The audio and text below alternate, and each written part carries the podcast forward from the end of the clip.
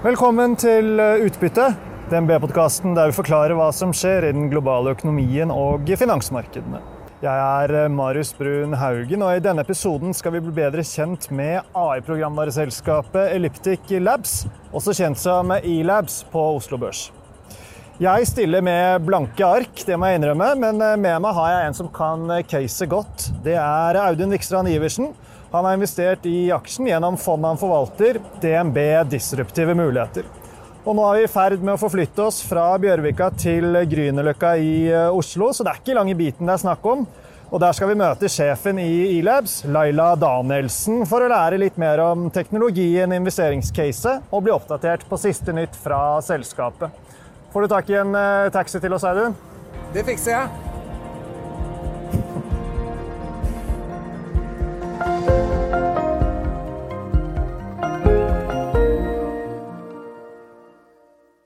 Ja, Da har vi kommet oss inn til eh, E-Labs.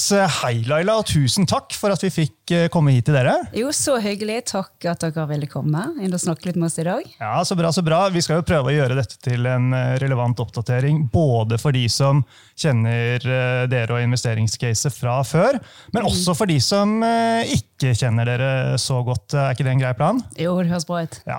Så jeg tenkte vi kunne starte med det liksom helt banale, men samtidig veldig viktige. Altså mm. teknologien deres. Hva, hva, er det for noe? Ja, hva vi gjør. Så jeg kan jo si først at vi er, Nå sitter dere her på kontoret vårt i Oslo, og der er hovedkvarteret til Liptegler, og vi er et softwarebasert selskap. Og de vi selger til, det, vi selger software til de som lager smarttelefoner, og de som lager, produserer laptoper. Og det vi, eh, det vi, gjør, det er enkelt forklart. Dette er egentlig veldig komplisert software, da. men enkelt forklart er det at vi skrur av eh, ting på en telefon eller en PC. når du Skrur på ting når du er i nærheten. Og når du går bort fra telefonen eller PC-en, så skrur vi tingene av. Så vi gjør et litt mer konkret eksempel. Hvis, eh, en telefo hvis telefonen din ringer, så ser du at skjermen din slår seg på. Mm. Du tar, når du svarer telefonen og tar den opp til øret, så tar skjermen seg av. Og inni det så ligger det en avansert teknologi. Enten kan du gjøre en fysisk sensor, en hardware-sensor, eller du kan løse det problemet med software. Og det er der vi kommer inn. Og i dag så er vi på hele 500, over 500 millioner telefoner i markedet i dag. Og så gjør vi de samme, samme software-prinsippene da, er vi nå inn i laptop-markedet. Vi har signert med fire av de seks største i, på verdensbasis.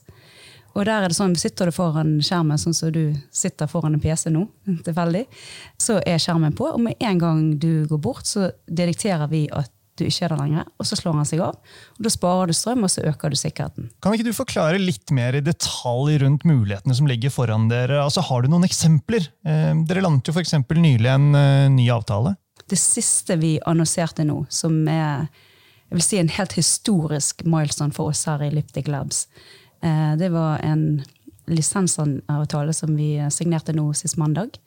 Der vi kan sørge for at det er mye enklere for brukerne å eh, skifte mellom smarttelefon, PC-er, konferansesystemer. Altså sy inn hele disse økosystemet der du kan, eh, det er blitt veldig enkelt brukersnitt for, for, eh, for, for brukeren til å bruke devicene.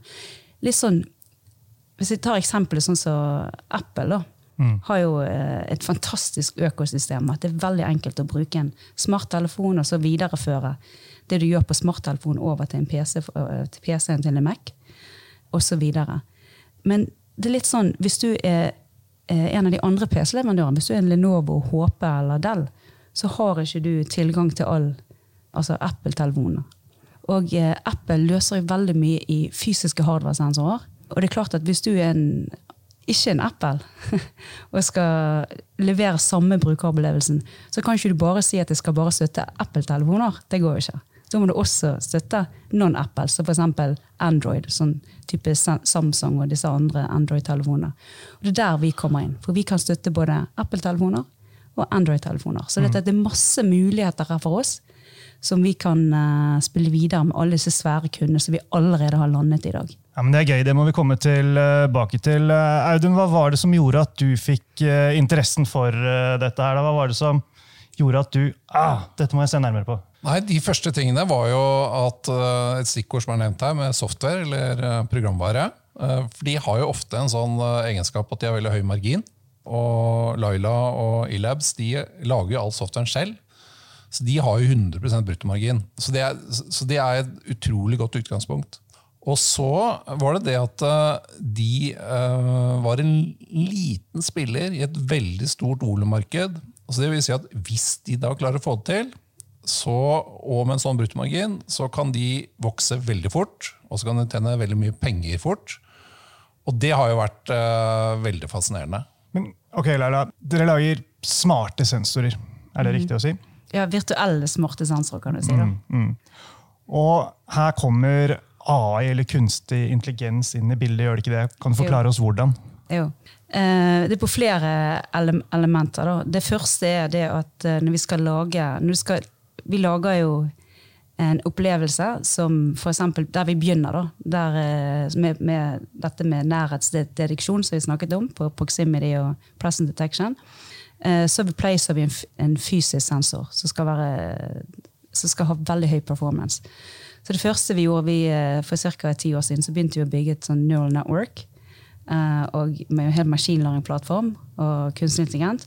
Og det gjør vi for at vi skal kunne trene vår software til å, til å, ha veldig, veldig god um, performance, eller veldig god ytelse, som heter på godt norsk. Jeg bor jo i San Francisco, så jeg snakker litt sånn American eh, Norwegian. Um, og Da blir det veldig viktig når man skal skalere, for man kan ikke skalere dette manuelt. Det blir altfor kostbart. Mm. Så Det er det, det, første aspektet. Det andre aspektet, det vi ser nå videre at vi har, eh, etter hvert som vi jobber med kundene våre, det er det at de ønsker å bruke AI til å eh, f.eks. dediktere surroundings og, og assesse det. Da. Og, og da kan de bruke mye av vår teknologi som kan lære mens du kjører eh, på, på smarttelefoner eller laptoper. Så, så kan du lære mye om environment og assesse det. Da. Så det, det, ene er når vi leverer produkter, der bruker vi mye maskinlæring og kunstig intelligens. Og videre at kundene òg kan gjenbruke eh, mye av de capabilityene som vi har, når de har installert det på sine devices. Så det, er to områder. Og for å være helt ærlig, da, vi hadde aldri klart å skalere sånn som vi har gjort på smarttelefon med Altså vi er, vi er 75 stykker nå uten eh, kunstig intelligens. Og vi kan òg bare gi et eksempel som er ganske morsomt. For første, når vi lanserte med et kinesisk selskap, som er det tredje største smarttelefonselskapet i verden, Xiaomi, mm. de, de, sitter i Beijing. Eh, så første, første produktet vi lanserte med de, da hadde ikke vi plattformen etablert. Og da hadde vi 20 eh, signalprosesseringsingeniører som satt på pulten til kunden og prøvde å tune software for å nå den performancen som vi trengte, på én modell. Altså Nå kjører vi over 20 modeller med de, og vi bruker uh, junior kundesupport som sitter hos kunden og bare tar opptak og rett opp i skyen, og så trenes alt automatisk. Så dere får teknologien til å jobbe for dere? Ja, riktig. Og for kunden? Viktig. Ja, ja, ja, Så bra. så bra. Ok, Men dere er jo altså i Japan, i Kina, Taiwan, Sør-Korea og USA. Men hovedkontoret altså, her på Grünerløkka i Oslo, det er ganske kult, Audun? Ja, det er helt herlig. Og, det er jo, og så er det jo, Vi har ikke brukt det, rare ordet ultralyd ennå, men, men og, og og det er en litt sånn bærer på hele teknologien. Man bruker, man, bruker, mikrofonen og, og, og høyttaleren eh, på både eh, mobilen og på, eh, på, på PC-en. Og så bruker man ultralyd som en sånn bærer som, som, som, er den som egentlig kommuniserer mellom og blir analysert. Uh, og, og, og, her i Norge så har jo, vi har jo en sånn lang historie vi med ultralyd i Norge. Og du vet, Vi har jo vært sammen mange ganger. og så, og så liksom, Hva skal vi leve av etter oljen-tankegangen? Uh, mm. Og her har man jo, Dette er jo et selskap nå får du korrigere meg litt, Laila, hvis, mm. jeg tar feil, men, men, dette er jo et selskap som kommer ut ifra liksom, det vi gjorde på havet, mm. uh, med både fiskebåter og etter hvert oljeindustrien. Og så var det et forskningsprosjekt på Blindern eh, mm. i sin tid, som, som, eh, som, egentlig var starten på eh, tilbake sikkert 20 år på dette selskapet. Så, så, så det representerer altså, altså, at vi da sitter i den gamle delen av, av, av det industrielle Oslo. er jo så, innmari, så, så, det er veldig mye kontinuitet her. Og så er, mm. man, uh, og så er dette selskapet da så de har, ikke, har de noen norske kunder i det hele tatt? Dårlig med det. Hvis ikke noen har tenkt å lage en PC. Så, så er man så langt fremme at man sitter og jobber med de aller aller eh, største produsentene. eh, Det, det, det er en fantastisk reise, syns jeg. da. Men som du sa, Laila, du tilbringer uh, mesteparten av tiden din i uh, San Francisco. I, hvorfor Ja. det? Det er jo der jeg bor, da. Så, uh, men det som er viktig her òg, det er jo det at nå har jo vi både spesielt partnerne våre, da. Eh, vi eh, embedder jo softwaret vårt inn på, på chipseten, eller på prosessorene på både PC og smarttelefoner. Eh, og da jobber vi med selskaper sånn som Qualcomm, AMD og Intel. Og alle de er jo basert rundt i California. AMD og Intel det er jo i Bay Area. da. Så det, det er jo veldig viktig, og Samtidig så har vi også PC-kundene våre. altså Du har jo i Texas og North Carolina. Eh, så er viktig. Og så, det er jo litt sånn, det er nesten litt sånn ironisk at vi sitter i, i Norge. Da. Vi har eh, kunder og alle partner, eller veldig mange av partnerne våre i USA. Og så har vi eh, kunder og partnere også i, i Asia. Da. Altså både, du nevnte jo Taiwan. Sant? Vi jobber jo med Mediatek, som er en annen chipset-leverandør. og vi gjør jo mye av PC-support i, også i, i, i, eh, i, i Taiwan. Og klart at eh, eh, sitter jo eh, mye i Kina. Så da er vi både i Be- Beijing og Shanghai og Shenzhen. Så det, det blir jo mye, mye reising. Da. Men sånn sett så ser vi at det er helt klart at for mitt vedkommende eh, vi, vi må ha seniorpersoner i altså nærheten av kundepartner. At det er helt Altså det er helt, helt nødvendig. Sånn som vi opererer, da. Men hvordan startet uh, din reise med Elabs? Hvordan havnet du her? Det var egentlig litt, uh, det var egentlig litt morsomt. Eh, Jeg gikk på uh, Altså, jeg har jo bodd lenge i USA. Jeg kom jo bort der først på et uh, fotballsportsstipend. Gikk på skole. Og så etter det så har jeg startet flere software-selskaper som jeg har hentet egenkapital til, VC Kapital, fra Silicon Valley. Bygget opp og solgt. Og så var det ett av de selskapene som vi hadde startet. Og Da var jeg på Plug and Play, og da gikk jeg rett på gründeren, altså eh, Tobias Dahl. Eh, Gikk rett på han på Plug and Play og hørte han snakket norsk, og tok fatt i han, så begynte vi å prate. Og så ble jeg kjent med selskapet. Og så etter hvert så ja, så tok jeg over som CEO, da. Ja, ja, Så bra. Men tilbake til uh, selskapet. Altså, um, er dere lønnsomme? Tjener dere penger, eller er det vekst, vekst, vekst for uh, alle penga? Nå er det mye vekst eh, for altså, Vi har jo ikke sånne enorme høye kostnader. Det går jo kun som, Siden det er software, det er 100 software, så går det kun på at vi må ha ansatte. da. Men nå eh, Vi ansetter da, masse folk. Så vi, hvis det er noen som hører på og er interessert i eh, softwarejobb, så se på hjemmesiden vår og søk, for vi holder på å ansette masse her i, i Norge. Da. Men nå er det å, ha full vekst for alle penger. Det blir utrolig viktig fremover. For vi er i en sånn utrolig unik, unik eh, posisjon der nå eh, går vi inn og kjører bredt med flere kunder. Og ligger flere, flere produkter på, på hver eneste modell vi annonserer med nå fremover. Da. Så dette er, dette er en periode der vi, eh, vi må ikke miste momentum. Altså Nå må vi bare kjøre på. Så det er viktig. Alle merker jo at eh, rentene stiger og prisen på penger eh, øker. altså Har dere nok eh, cash til å holde showet i gang og, og fram til dere en dag blir eh, forhåpentligvis da, lønnsomme? Ja, eh, vi eh, Hvis vi ser eh, Hvis vi ikke har samme run-raten som vi gjorde i fjor da, på, på, på kostnad og inntekt, eh, så har vi eh, ca. 11 år run-rate, så vi, eh, har en, vi har en sterk balanse. da. Og det er, jo, det er jo viktig, spesielt i disse tider. da. Så vi er vel posisjonert for vekst fremover. Og så har vi på noe mål vi Ja, ser bort på Øyden- og her.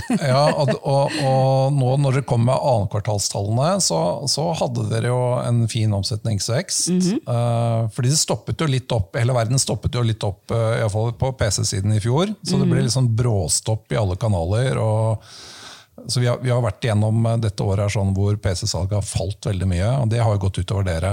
Men, men så kom det litt sånn eh, forsmak på kanskje noe som det kommer mer av etter hvert her, og, det var jo at i Q2 så hadde dere en omsetning på drøye 30 millioner, og dere tjente penger på, på bunn eh, regnskapsmessig, så gikk sånn sett, hadde en lønnsomhet på, på regnskapstallene.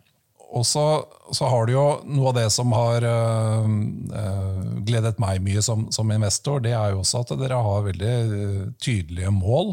Mm. Dere har en guidance øh, som ikke nødvendigvis alle tror på, men, men det er sånn markedet er.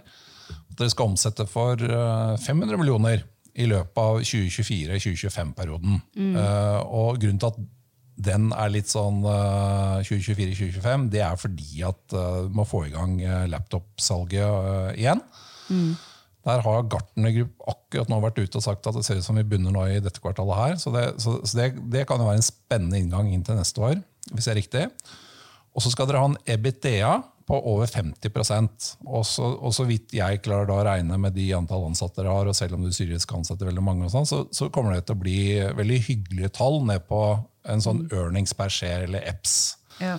ja nå sa vi nord av 50 eh, på EBITDA, da. så ja. til ditt poeng da, skal det skal bli ganske vanskelig for å ansatte så mange til å altså vi, vi ser jo per i dag at uh, de kundene vi jobber med, de klarer vi fint å støtte. Men etter hvert nå så vi skal også legge inn flere produkter, som vi nettopp annonserte her, da, flere produkter per, eh, per, kunde og per modell, eh, så er det klart at vi, vi trenger jo eh, Da trenger vi flere folk. Men det, vi snakker jo ikke vi snakker ikke om enorme økelser her. På, altså Vi kommer ikke til liksom triple selskapet. Altså vi er 75 i dag. Så, så, fort klarer dere ikke å Nei, nei, nei, det, det, det, nei, det skjer jo ikke. sant? Så, og så Det som er utrolig viktig nå, da, og derfor vi sier liksom 24-25, det er jo, som du påpekte, da, at, eh, at eh, det har vært vanskelig for våre PC-kunder å gjøre forecast på sine tall.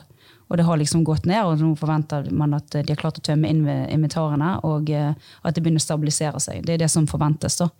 Og Da er det bare snakk om hvor fort klarer disse kundene å rulle ut når vi har flere av de, og samt at Vi forventer også å fortsette å vokse litt nå i smarttelefonen, for det var jo full stopp. Alle satt med så mye invitar på telefonen at de fikk ikke solgt ut. Og det ser vi også at det begynner å tømme seg. da.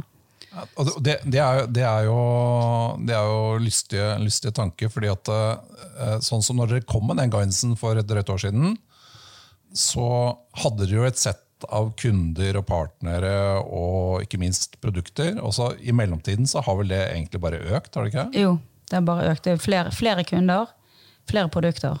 Eh, både i smarttelefon og PC. Så vi har jo økt i begge, begge områdene. da.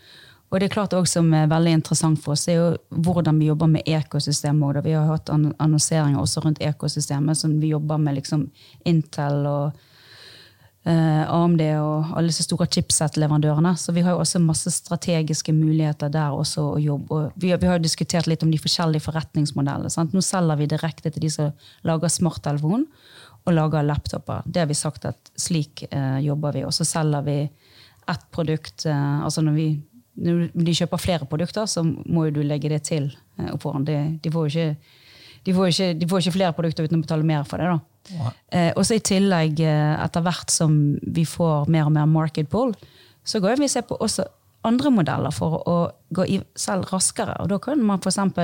legge software inn direkte med våre partnere, f.eks. sånn som Intel, AMD og Qualcomm. Eh, sånn at man kommer selv raskere ut med kanskje noen baseprodukter. Og det er noe som vi har snakket om uh, tidligere i våre uh, kvartalspresentasjoner. At det er noe vi selvfølgelig ser. Og det er jo, er jo en fin måte å få skalert enda raskere på. Så det er, mange, det er flere veier til målet her. Da. Mm. Hvem, hvem, i dag er liksom de største konkurrentene deres, og hva, hva er det dere gjør som ikke de klarer å gjøre?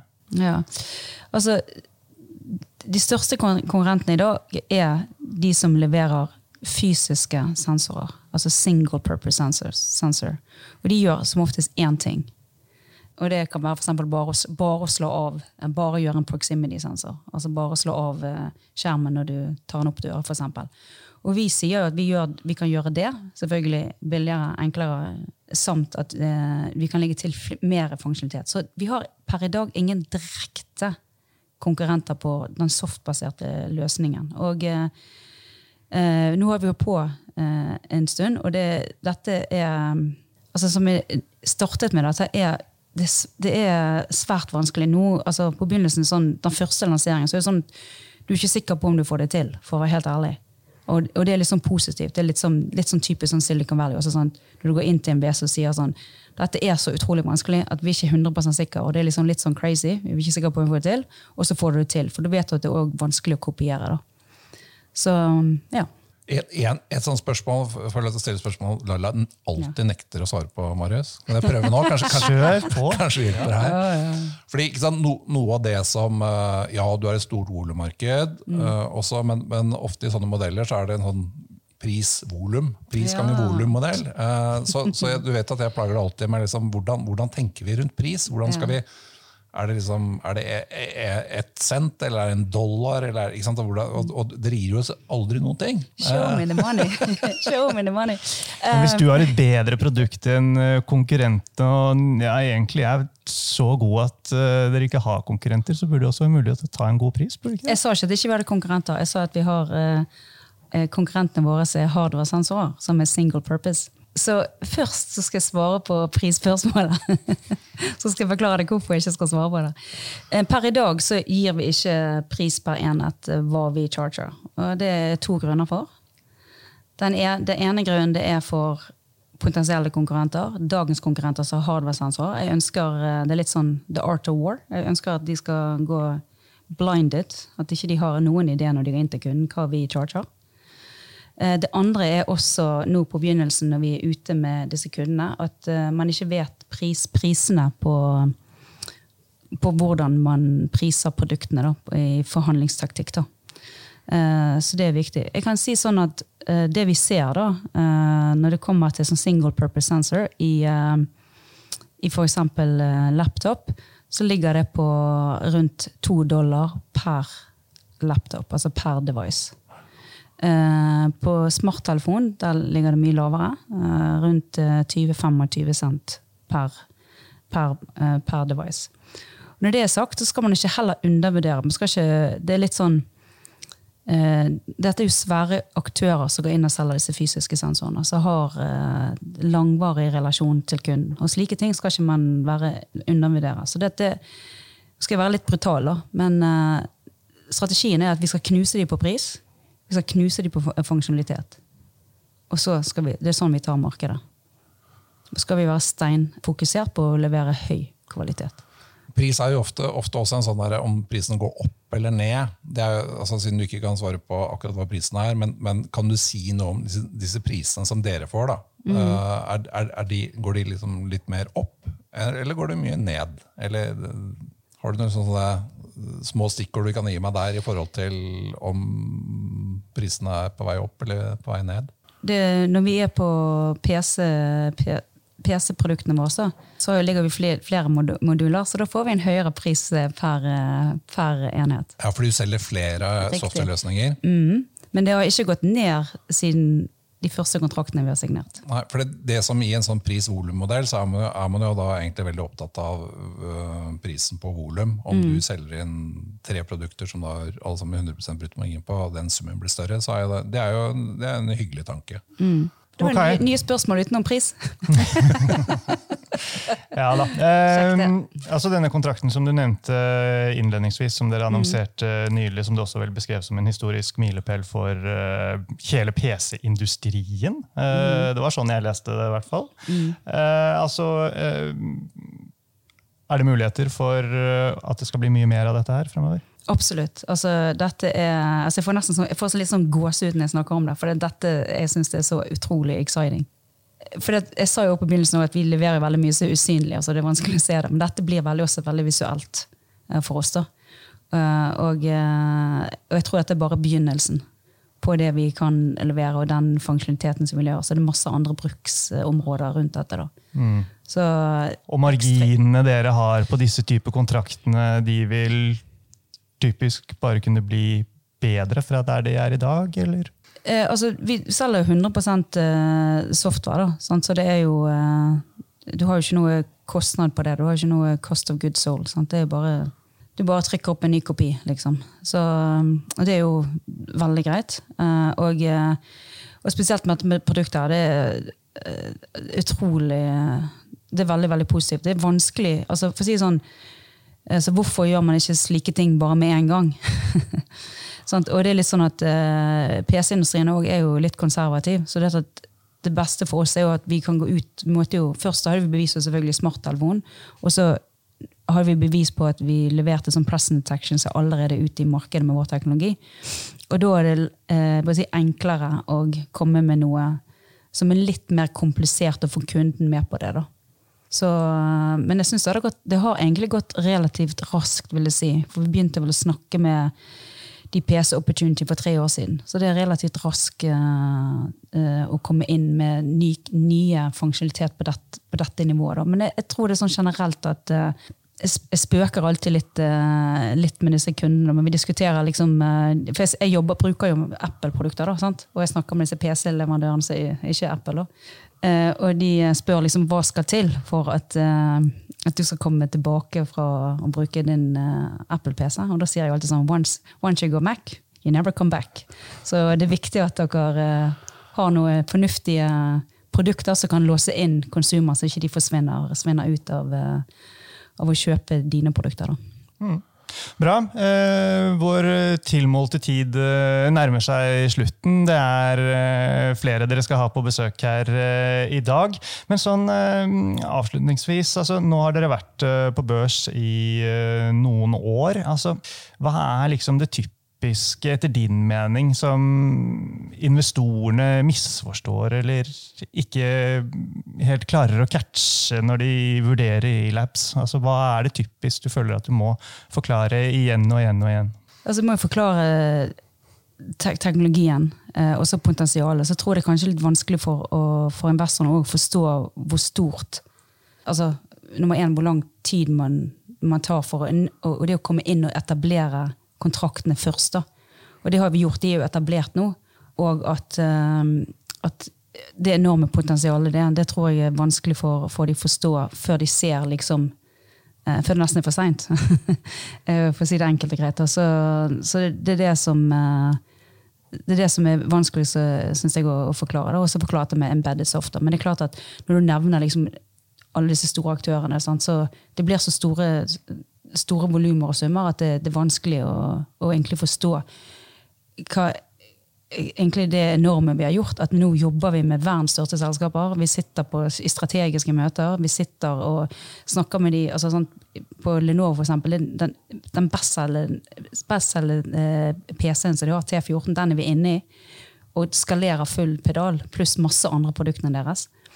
Og eh, det er egentlig Jeg er kjempestolt over teamet, som har, at vi har klart å levere det. Og nå ser, de etter, nå ser disse PC-selskapene også på de andre produktene vi har. Uh, så jeg tror det kanskje er vanskelig å spørre Audun, han, men han har, vel, han har vel skjønt det, da, men Hva sier du, Audun? Nei, men Nei, men det, det, og det, det, skal jeg være ærlig med. Det er, det er, et selskap som er vanskelig å forstå inntil et visst nivå. Og så får man godt hjelp av uh, å se på de store kundene som vi alle sammen som, som har sett på leverandører inntil de, vet at det er veldig krevende å komme inn. Og dere har klart å lande veldig mange av de på relativt kort tid. Mm. Og når vi ser nå at eh, sånn som du nevnte Lenovo, som, som da lanserte, dere ble lansert nå når du er ferdig med å rydde opp i varelageret sitt nå i, i, juni, så, så, kom dere ut eh, var det slutten av juni, begynnelsen av juli, så kom dere inn på modellene. Og så har det kommet mange oppdateringer på at det, det er utvidelser på, i produktfamilien. Mm. Og, det, og det sender jo bare et sånt kraftig signal om at ja, de liker det. Og dette er jo verdens største produsent. Eh, og, og, og, i tillegg når du nevner det, det vi kan kalle den turianske hesten, med at mm. du kommer inn med én software, og så sier du ja, men ikke nok med det. Se her, vi har denne og denne og denne og denne mm. også. Så i sum, det som jeg er opptatt av, det, det er jo det at uh, hver eneste uh, laptop som blir solgt, at du, du, du, kanskje får en høyere ASP, eller altså en, en, uh, en omsetning per, per, laptop, fordi du selger flere produkter som likevel ikke koster så mye. Og da har du en sånn skalerbar modell som, som, som uh, er kjempespennende. Ja, men Bra. Da har uh, både vi, og, eh, eller jeg og lytterne blitt uh, bedre kjent med Elabs og hva dere gjør. Audun har fått svar på noen av spørsmålene sine, men ikke alle. Og det er bare sånn det skal uh, være. Sånn er gamet. Neste peilepunkt for de som vil følge dere videre, blir vel fort Q3-rapporten. Så vidt jeg kunne se, kommer den 24.11. Hva kommer du til å følge ekstra med på når Laila presenterer rapporten da, Audun? Nei, Jeg håper at hun kommer til å prate litt om pris, da. Nei, men det, det er jo å få, belyst denne litt mystiske kontrakten som, som har kommet, og, og, som er signert, som er et salg av en, lisens. Og, og det, det, er, Jeg skjønner når Laila sier at den er banebrytende, men så er det litt sånn asymmetrisk informasjon, så, så, gjerne litt mer om den. Og så er det å se om, om, eh, om det blir noe, blir noe, penger i dette kvartalet. Gjerne, gjerne sånn, fortsette den trenden vi, vi, vi så i forrige kvartal. Og så er det jo guidancen, da.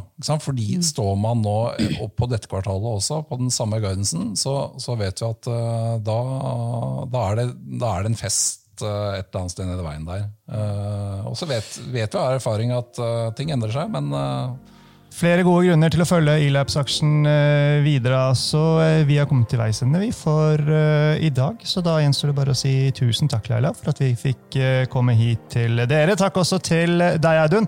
Og sist, men ikke minst, tusen takk, folkens, til alle dere som hørte på.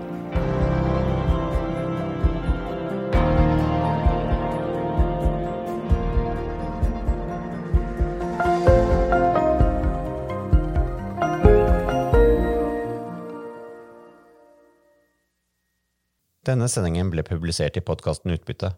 Innholdet i sendingen er å anse som markedsføringsmateriale fra DNB og er ment å være generell spareveiledning. Sendingen skal ikke oppfattes som et tilbud om å kjøpe eller selge finansielle instrumenter, eller som investeringsrådgivning tilpasset den enkelte investors situasjon. En investor som har behov for råd eller har spørsmål om informasjon som gis, bør kontakte en finansrådgiver. DNB påtar seg ikke noe ansvar verken for direkte eller indirekte tap som følge av innholdet i sendingen legges til grunn for eventuelle investeringsbeslutninger. Husk at historisk avkastning aldri er noe garanti for fremtidig avkastning. Avkastningen kan bli negativ som følge av kurstap. Bruk av prognoser for å beregne fremtidig avkastning er heller ingen garanti for fremtidig avkastning. Innholdet i sendingen bygger på informasjon fra offentlig tilgjengelige kilder som DNB ser på som pålitelige, men som ikke er uavhengig verifisert. Følgelig gir DNB ingen garanti i forhold til nøyaktighet og fullstendighet. Alle uttalelser her reflekterer DNBs, den enkelte ansatte, eller andre tredjeparts vurderinger på tidspunktet for den aktuelle sendingen, og kan i ettertid endres uten nærmere beskjed. Ytterligere informasjon om bl.a. kildebruk og interessekonflikter er tilgjengelig på dnb.no skråstrek invest, bindestrek disclaimer.